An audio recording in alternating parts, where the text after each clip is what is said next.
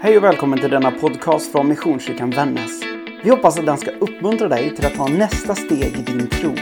Om du vill ha mer koll på vad som händer hos oss, gå in och följ Missionskyrkan Vännäs på Facebook och Instagram eller kontakta oss via vår hemsida www.missionskyrkanvannas.se. Välkommen hem hit. Det var en tidig morgon. Solen hade ännu inte gått upp och de här tre, eller om det var fler, kvinnorna var på väg att lämna staden. Låt oss säga att Jerusalem den där helgen hade varit lite rufft. Det hade varit rörigt. En sån där upprörd känsla skulle jag kunna tänka mig. På något vis så inbillar jag mig att Jerusalem den där morgonen var som i stil med du vet, det här lugnet efter den fullkomliga stormen. Vi läser den här berättelsen om kvinnorna när de går ut i graven. Och vi gör det nästan alltid utifrån känslan att vi vet vad som ska hända. Men om vi tänker på och försöker tänka oss in i den situationen de var där. Vad är det då för en tillvaro vi ser? Det här är ett par kvinnor som är på väg ut och de har förberett kryddor för att smörja sin avrättade vän. Det är det faktumet de går ut emot. Jag kan på något vis inte begripa hur de vågar. Jag hade aldrig velat gå ut och smörja, äh, smörja en avrättad vän. Ska jag vara helt ärlig, hade jag en vän till mig blivit avrättad, jag hade nog inte velat se den igen. För det hade gjort så ont. Men inte nog med det, de här hade hoppats också på, för Jesus hade predikat någonting, någonting nytt, en förändring, att han var Messias. Allt var liksom över. Allt hade gått åt fanders. Det fanns ingenting kvar. I den känslan så gick de ut. Någonstans, och det är egentligen bara en liten parentes i det här, så tycker jag också att det är fascinerande att de personerna som hade levt närmast Jesus, de elva personerna vid det här laget, vad gjorde de? De satt instängda i ett hus och var livrädda. På ett sätt ett helt rimligt beteende. De var ju fullt medvetna om att exakt samma sak skulle kunna drabba dem. Som sagt, allt som man hade hoppats på var kört. Snacka om lång, långfredagsfeeling deluxe. Att på något vis att ingenting hade gått rätt. Och så kommer kvinnorna ut till, till graven. Återigen, om vi bara fortsätter tänka tanken. Idag så begraver vi ju inte så ofta i klippor och lägger en sten för. Det är någonting man skulle kunna ivra för, men det gör vi inte. Men tänk er själva. Att er vän har blivit avrättad, den har blivit begravd, det vet ni. Och så kommer ni ut och så är graven skändad. Jag menar, de måste ha sett det här lite på håll. Det var ju ändå en klippa och en sten. Vad börjar man tänka för tankar då? Och vilket outgrundligt mod får dem att vilja titta in i den graven.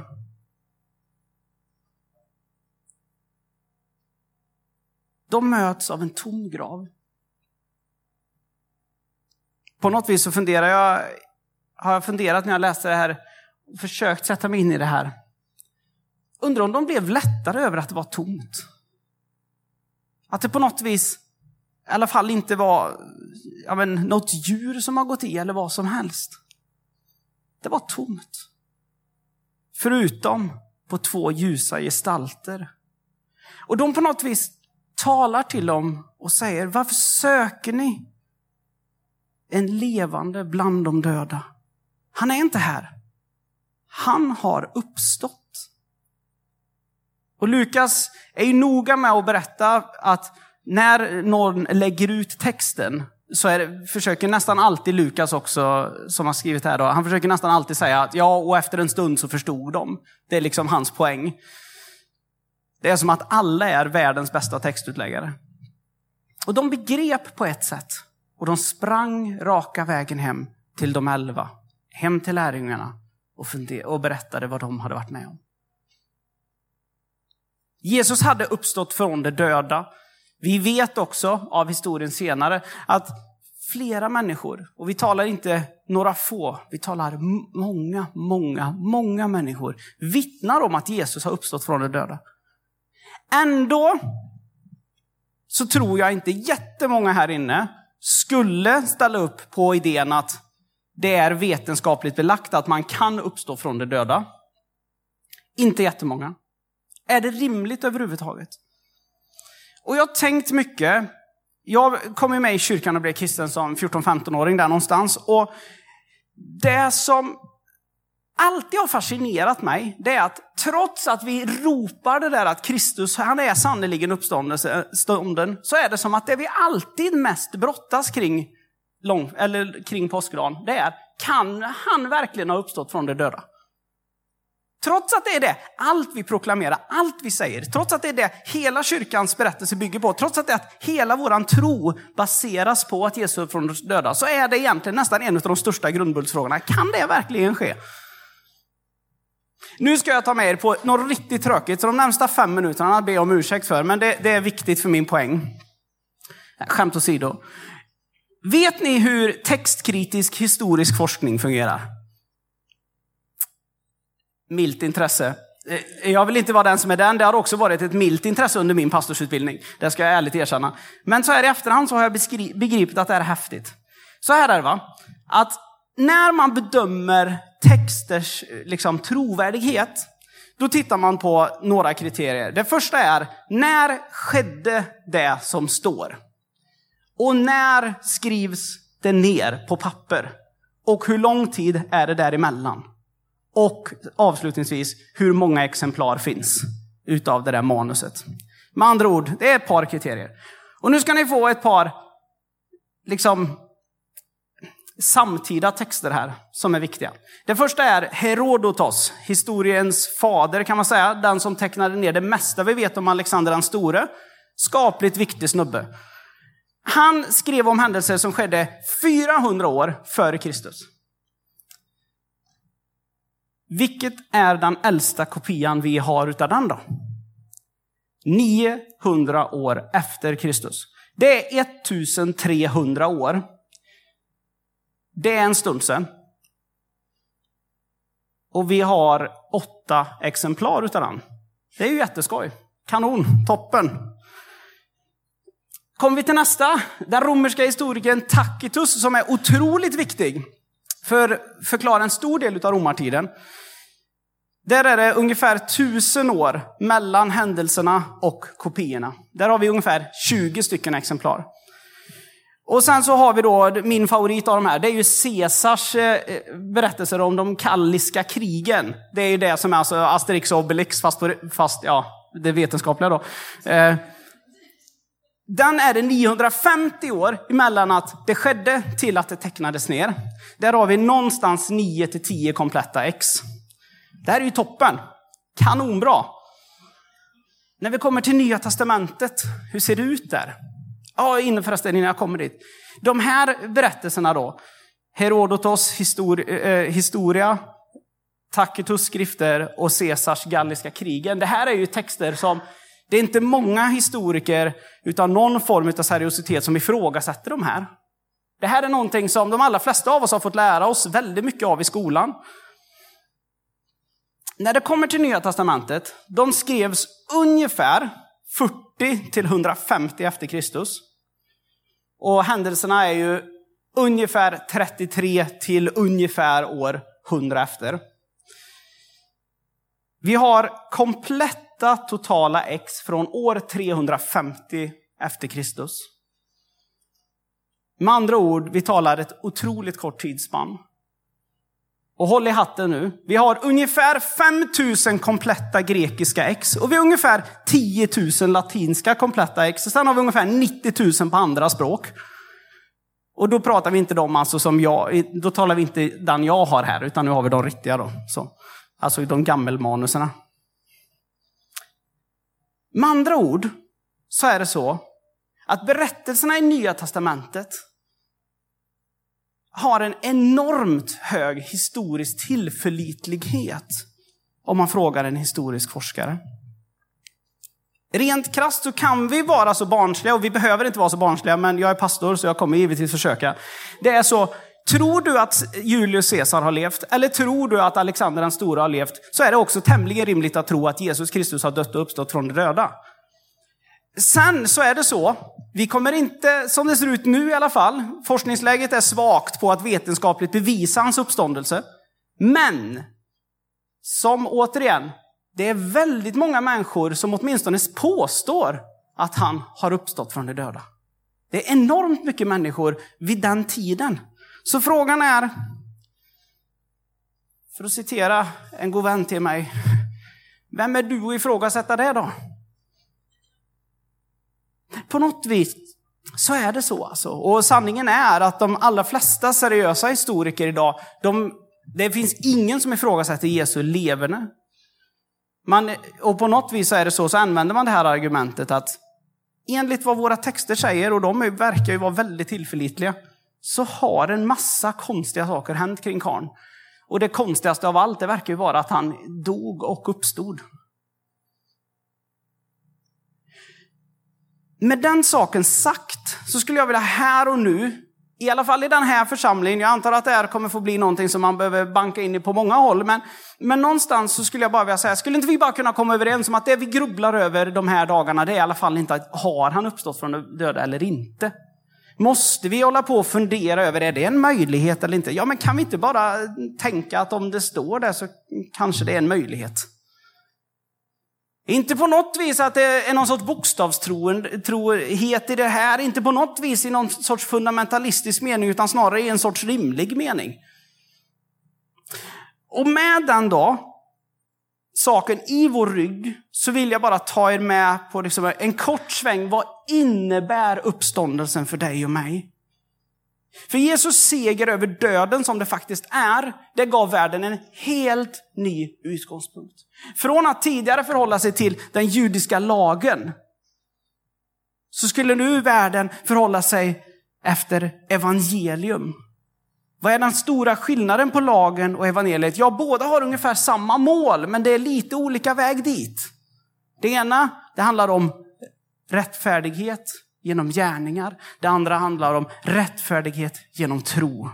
Evangelium talar om rättfärdigheten genom tron. Tidigare så gällde frälsningen och räddningen bara det judiska folket. Nu gäller det alla människor. Med andra ord, det spelar ingen roll vad din bakgrund är. Totalt ovidkommande vad din bakgrund är. Tidigare så handlade det om, om rättfärdighet, som jag sa. Efter uppståndelsen så handlade det om nåd. Före så handlade det om att förhålla sig till döden. Nu handlar det om att förhålla sig till livet snarare. Men framför allt kanske, tidigare så handlade det om att förhålla sig till övergivenheten. Och nu handlar det om att förhålla sig till hoppet.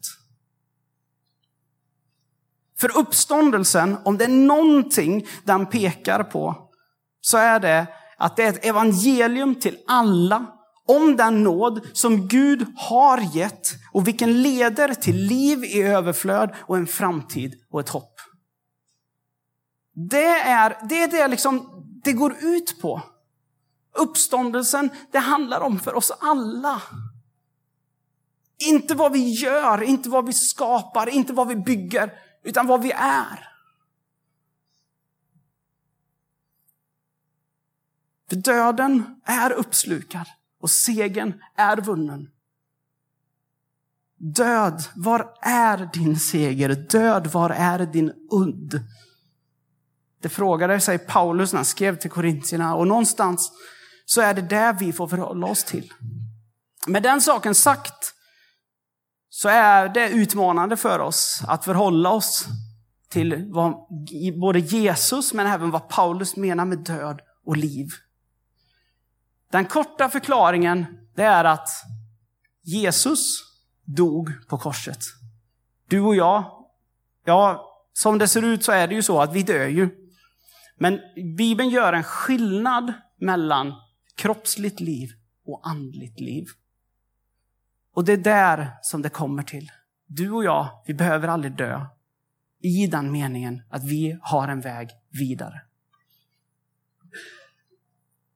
För uppståndelsen öppnar, in, öppnar ju vägen till på något vis evigheten. Men den öppnar också en väg in i våra liv idag. Och här tror jag att vi många gånger har missat och glömt. Den där påskdagsmorgonen när kvinnorna går ut i graven. Då går de nog, vi kan ju bara gissa vilka känslor de går ut med. Vi kan konstatera att det är, det är en, en väg ut som inte är munter. För vägen framåt är väldigt, väldigt oviss för dem. Det är på något vis som att de fortfarande är kvar i påskafton. För sanningen är, om vi tittar på liksom dagarna rent generellt, så är det så långfredag, det är liksom, det är tungt. Det är liksom, där verkar allting vara utom hopp. Påskafton är ju inte någon liksom grej som egentligen i kyrkoåret, Jesus var ju, var ju död. Så var det. Men det är det som vi har valt att på något vis sätta som det viktigaste i påsken numera i vår värld. Samma sak gör vi egentligen på jul. Där är julafton det viktigaste. Det som alltså vi ska fira ett tillstånd av ambivalens.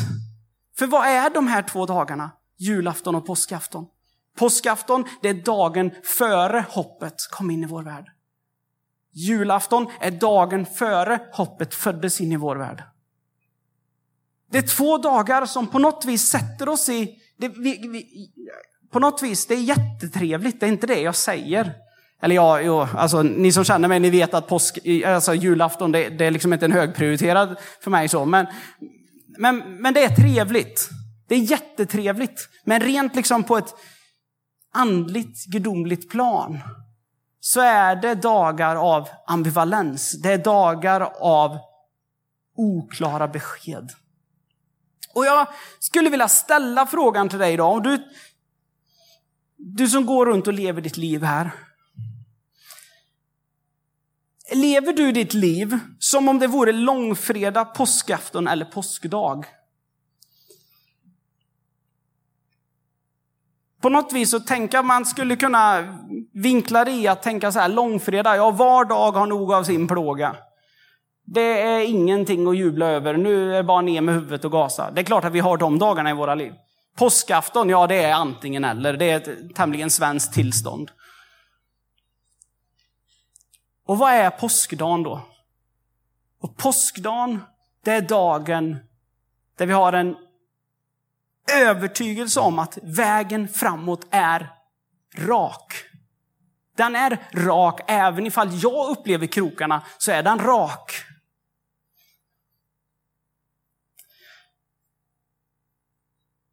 Jag tänkte att jag skulle använda en bild för det här.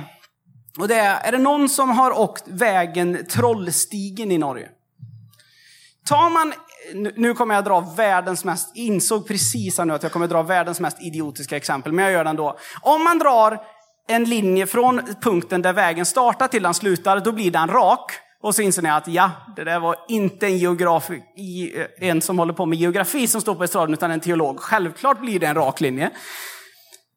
Men där kan man säga så här, vägen upp för berget är tämligen rak fast otroligt krokig. På något vis är det så att starten och målet, den finns där. Hur din väg framåt ser ut där, ja det kan vara väldigt krokigt. Jag är fullt medveten om att, och tro mig, jag har erfarit det själv, livet har sina dalar, det har sina kringelkrokar. Men genom uppståndelsen och genom påskdagen så är vägen rak.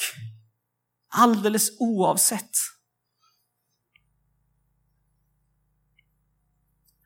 Och någonstans så skulle jag vilja uppmuntra dig till att faktiskt få verkligen känna, inte bara intellektuellt i ditt huvud ta in, utan faktiskt få känna att det här är på riktigt. Jesus dog inte på ett kors och han uppstod inte för att vi ska gå runt och leva som om det inte har hänt. Han gjorde det för att förändra allt för oss. Vi kan leva i full trosvisshet om att allt är klart.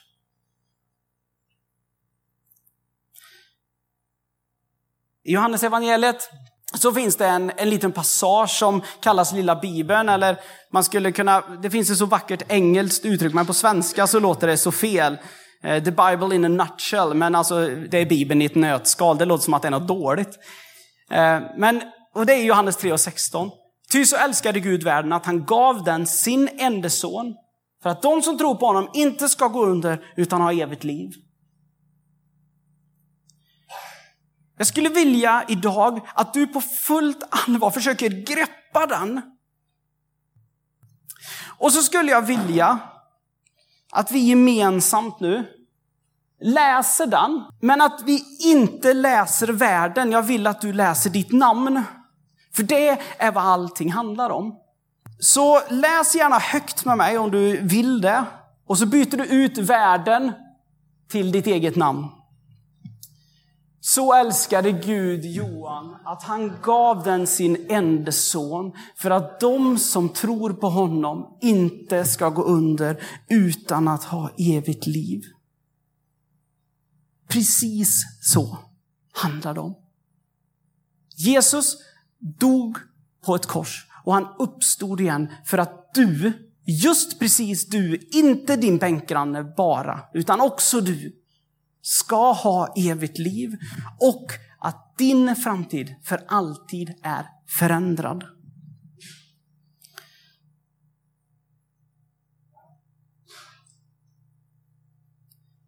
I början så läste Daniel i, eh, ifrån Efesierbrevet 1 samma oerhörda kraft som verkar genom Jesus Kristus när Gud uppväckte honom från de döda. Vill han verka i dig Jag tror att Gud vill verka i var och en. Min erfarenhet är att Gud kan göra stora förändringar. Det är min egna upplevelse i mitt egna liv. Och den inbjudan vill jag göra till dig idag. Att under, vi ska alldeles strax ha en stund av sång och förbön och bön.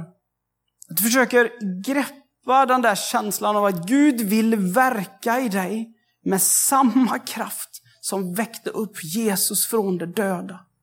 Kan ni begripa vilken otrolig kraft det måste vara? Det här är inte någonting otäckt. Det är inte något överandligt. Snarare så tror jag att det här är någonting som är fullt naturligt, för det är det som vår Fader i himlen vill till oss som sagt, vi kommer ha en stund av förbön. Och um, Ulle och Anders finns eh, ute på kyrktorget precis utanför dörrarna bakom. Och jag och Daniel finns här på främsta bänkrad. Om du vill att någon ska be med dig, vi ber gärna för dig. Du får jättegärna använda knäfall, du får jättegärna tända ljus och du får jättegärna röra dig i rummet. Påskdagens centrala budskap för dig det är att Gud vill ge dig en framtid och ett hopp. Uppståndelsen handlar djupast och innerst inne om att förkunna ett evangelium som gäller alla människor, oavsett vad livet har drabbat dig med. Alldeles oavsett vad du bär på, alldeles oavsett vem du är. Att han vill ge den nåden från Gud som Gud har gett och som lever till liv i överflöd och en framtid och ett hopp.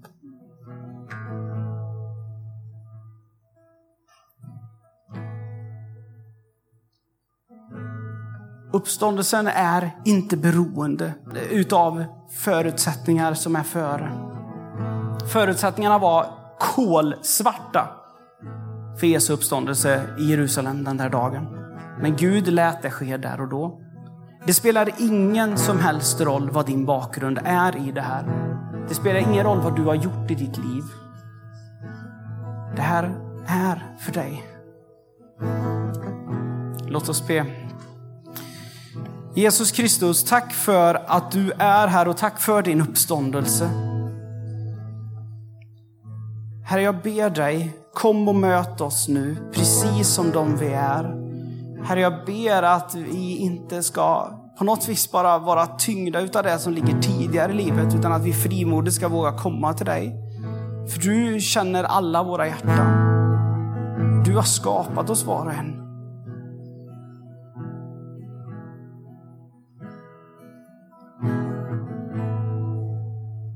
Jesus, kom och möt oss.